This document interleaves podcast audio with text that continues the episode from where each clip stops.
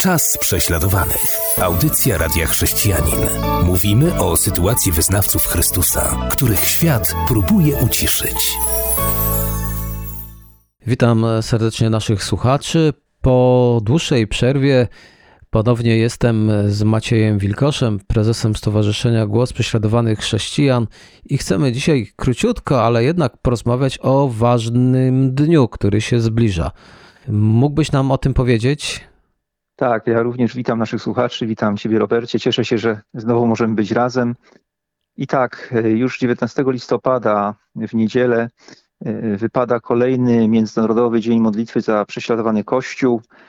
Jest to wielki ruch modlitewny kilkuset milionów e, chrześcijan z całego świata, którzy łączą się tego dnia e, w modlitwie za swoich braci i siostry, którzy są prześladowani z powodu wiary w Chrystusa. Dzień ten jest obchodzony, może, że tak się wyrażę, już od paru dziesięciu lat pod parasolem Światowego Aliansu Ewangelicznego i ma on moim zdaniem ogromne znaczenie i duchowe, ale również y, uświadamia nam, że problem prześladowań narasta, jest bardzo duży i, i dotyka dosłownie setek milionów naszych braci i sióstr w prawie 70 krajach świata. Tak więc jest to bardzo poważne i istotne wyzwanie do modlitwy dla nas wszystkich. W tym roku też będziemy się modlić. Mam nadzieję, że niektórzy chrześcijanie, przynajmniej niektórzy, modlą się przez cały rok i regularnie. No ale teraz wezwanie i czas, aby zjednoczyć się szczególnie. To teraz mam prośbę, spróbuj nas zachęcić do tej modlitwy właśnie w tym okresie. Muszę powiedzieć, że gdy patrzę na to, na to, co dzieje się na świecie, to jestem głęboko przekonany, że modlitwa jest o wiele ważniejsza teraz niż kiedykolwiek wcześniej, chociaż oczywiście ważna była zawsze. W pierwszym liście do Tesaloniczan w rozdziale 5, wersecie 25 apostoł Paweł zwrócił się do swoich braci i sióstr takimi słowami: módlcie się za nas. To jest takie najbardziej zwięzłe, proste, ale a zarazem głębokie wezwanie do modlitwy, płynące z jego serca. I te słowa wciąż są aktualne.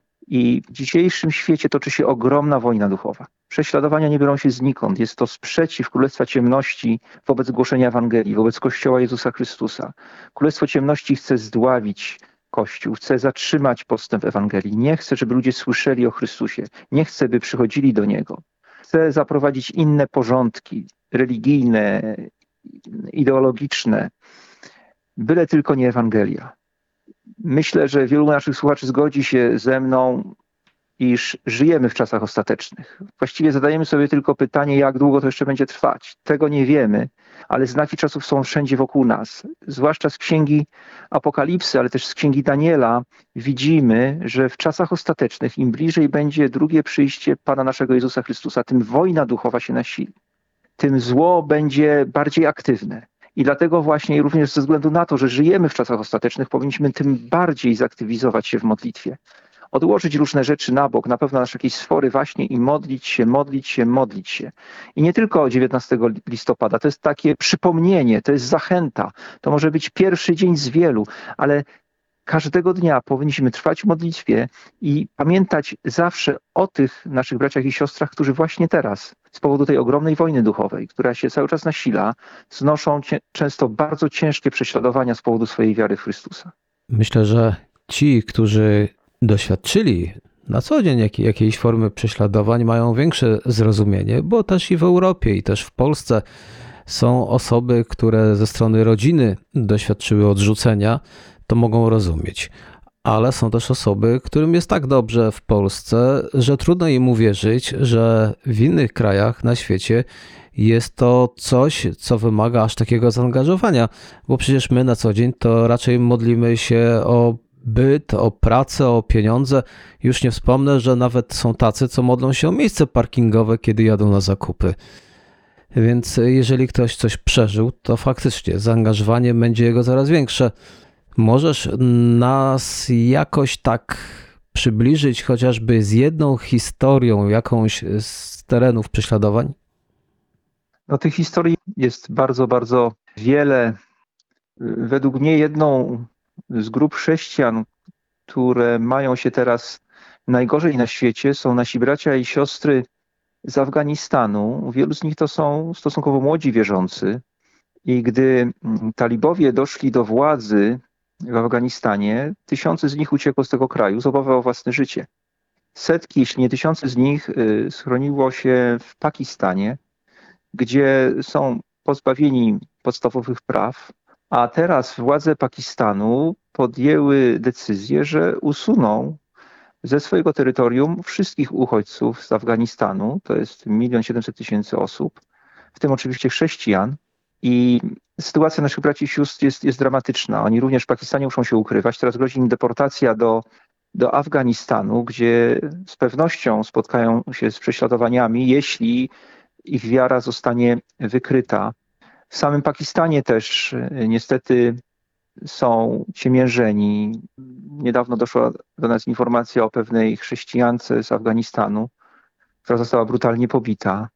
Inna zniknęła bez śladu i odnalezienie jej no, graniczy z cudem. Ci ludzie uciekają całymi rodzinami. Tam są małe dzieci. W Pakistanie nie mają przyszłości, tym bardziej w Afganistanie. I to jest duża, duża grupa ludzi i potrzebują naszych modlitw.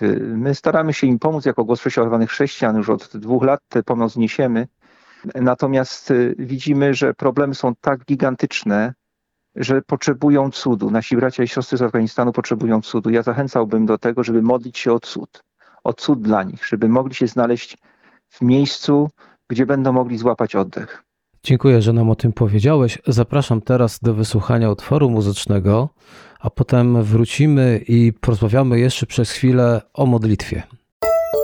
Powracamy do naszej rozmowy, a teraz, tak jak już zapowiedziałem, chciałbym poprosić Macieja, aby powiedział nam to w związku z całą tą sytuacją, to jak możemy się modlić i o co się modlić? No to jest bardzo szeroki temat. Na pewno powinniśmy modlić się, modlić się, jeszcze raz się modlić. Modlić się o umocnienie dla naszych braci i sióstr zwierzę, modlić się o zaopatrzenie dla nich. Takie praktyczne, żeby mieli co jeść, mieli gdzie mieszkać, ale też żeby byli wyposażeni do służby, bo wielokrotnie brakuje im podstawowych narzędzi do służby, którymi mogliby, dzięki którym mogliby skutecznie głosić, głosić Ewangelię, modlić się o mądrość i ochronę dla nich, o jedność dla nich. I my jako głos prześladowanych chrześcijan działamy w różnych kierunkach. Prześladowania się nasilają, więc pracy nam, nam nie brakuje. Ostatnio wróciłem z, z Korei Południowej, gdzie miałem okazję spotkać się z uchodźcami z Korei Północnej, którzy przygotowują się do służby misyjnej wśród Koreańczyków z północy. Niezwykli ludzie w bardzo ciężkim położeniu, a jak wiemy, Korea Północna ciemięży, ciemięży swoje społeczeństwo i chrześcijanie są tam praktycznie wrogiem numer jeden. To jest na pewno bardzo ważny kierunek modlitwy. Wszystkie kraje komunistyczne, Chiny, tam nasi bracia i siostry są często utrzymywani w więzieniach, jak pastor Wang Yi, który został skazany na 9 lat. Idąc dalej, wspomniany już Pakistan i uchodźcy z Pakistanu, ale również sami pakistańscy chrześcijanie, którzy padają ofiarą pogromów, tak, takich jak ostatnio w Jaranwali, gdzie 25 kościołów zostało zniszczonych, setki domów chrześcijan zostało spalonych, zniszczonych, splądrowanych. Również tam zanieśliśmy pomoc. Indie, ogromny kraj, gdzie liczba chrześcijan równa się liczbie Polaków w naszym kraju, a jednak stanowią oni niewielką mniejszość z racji tego, jak wielka jest liczba ludności w Indiach. Tam prześladowania nasilają się już właściwie na terenie całych Indii i, i rząd centralny nawet stoi za tym i sprzyja temu, żeby coraz bardziej ograniczać prawa chrześcijan. Tak więc y, gdziekolwiek by nie spojrzeć na mm, niemal w Azji, chrześcijanie są prześladowani. Będziemy się teraz modlić. To już wiemy, że są kraje, są sytuacje. Jeżeli ktoś nigdy nie modlił się o prześladowanych, to mógłbyś takie ABC nam teraz powiedzieć? Powiedzmy, klękamy jak tu się pomodlić? No cóż, klękamy. Ja bym zaczął od tego, że przychodzę do mojego Boga, do w imieniu Jezusa i proszę Go, żeby do mojego serca wlał tę samą miłość do prześladowanych chrześcijan, jaką On ma. Żeby dał mi to brzemię, jakie On niesie jako Pan Kościoła, jako Zbawiciel Kościoła, za swoimi dziećmi, za braćmi i siostrami, którzy cierpią z powodu wierności Ewangelii. Żebym nie jedynie odmówił jakąś modlitwę, przeszedł przez jakieś punkty, ale żeby moje serce było poruszone, żebym się utożsamił Mottem naszej misji są słowa z listu do Hebrajczyków, rozdział 13, werset 3. Pamiętajcie o więźniach, jakbyście współwięźniami byli. I tu chodzi właśnie o tą aktywną pamięć, o utożsamienie się z nimi. O to, żebym spróbował sobie wyobrazić, co ja bym czuł, gdybym był na ich miejscu. Czego ja bym oczekiwał od innych chrześcijan, gdybym to ja był w więzieniu, gdyby to mój mąż był w więzieniu, gdybym to ja został wypędzony ze swojego domu, gdyby to budynek mojego kościoła został skonfiskowany, gdybym został zmuszony do spotykania się nielegalnie, gdzieś w ukryciu. Gdybym na każdym kroku był tropiony przez służbę bezpieczeństwa, gdyby moje dzieci nie mogły otwarcie uczyć się o Bogu, co bym czuł? Gdybym został dotkliwie pobity, i potrzebował opieki lekarskiej, a nie byłoby mnie na nią stać i nikt nie chciałby mi tej opieki udzielić. Co bym czuł? Czego bym oczekiwał? Myślę, że zacząłbym od tego utożsamienia się, a potem chciałbym się dowiedzieć o konkretnych potrzebach. Już o niektórych z nich wspomniałem, ale dowiedziałbym się, co się dzieje na Bliskim Wschodzie z chrześcijanami. Dużo w mediach słyszymy o tym, co, o wojnach na Bliskim Wschodzie, ale w każdym z tych krajów objętych wojną są nasi bracia i siostry. Oni teraz tam są. Oni tam głoszą Ewangelię. Oni są zaangażowani. Czego potrzebują? Wiele z tego mo możemy przeczytać na naszych stronach internetowych.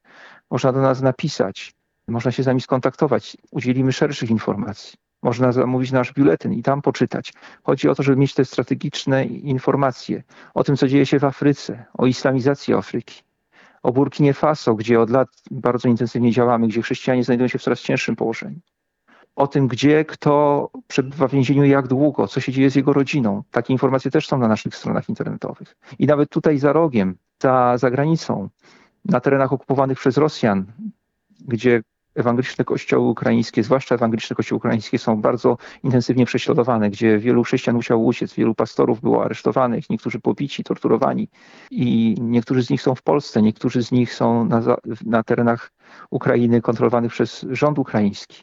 Ale czego oni potrzebują, co teraz przeżywają, jak wygląda ich życie. Więc dowiedziałbym się konkretnych rzeczy. I prosił Ducha Świętego, by może położył mi szczególnie na sercu jakiś obszar, jakiś region, jakiś kraj, jakąś grupę ludzi, jakąś rodzinę, jakiegoś brata czy siostrę w Chrystusie.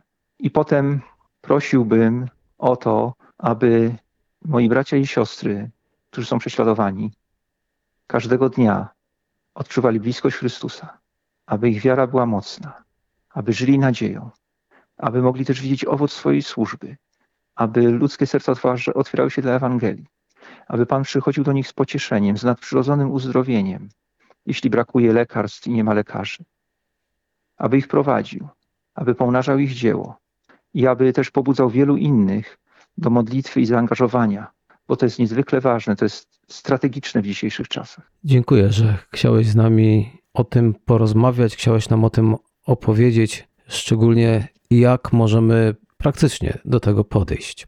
Dziękuję serdecznie za uwagę, dziękuję Macieju za Twoją obecność i życzę wszystkim Bożego Błogosławieństwa i pamiętajmy, Dzień Modlitwy się zbliża, ale ten dzień może już rozpocząć się dzisiaj. Ja również dziękuję za uwagę i życzę wielu Bożych błogosławieństw i głębokiej społeczności z naszym Panem Jezusem Chrystusem w modlitwie. Do usłyszenia. Do usłyszenia. Była to audycja Czas prześladowanych.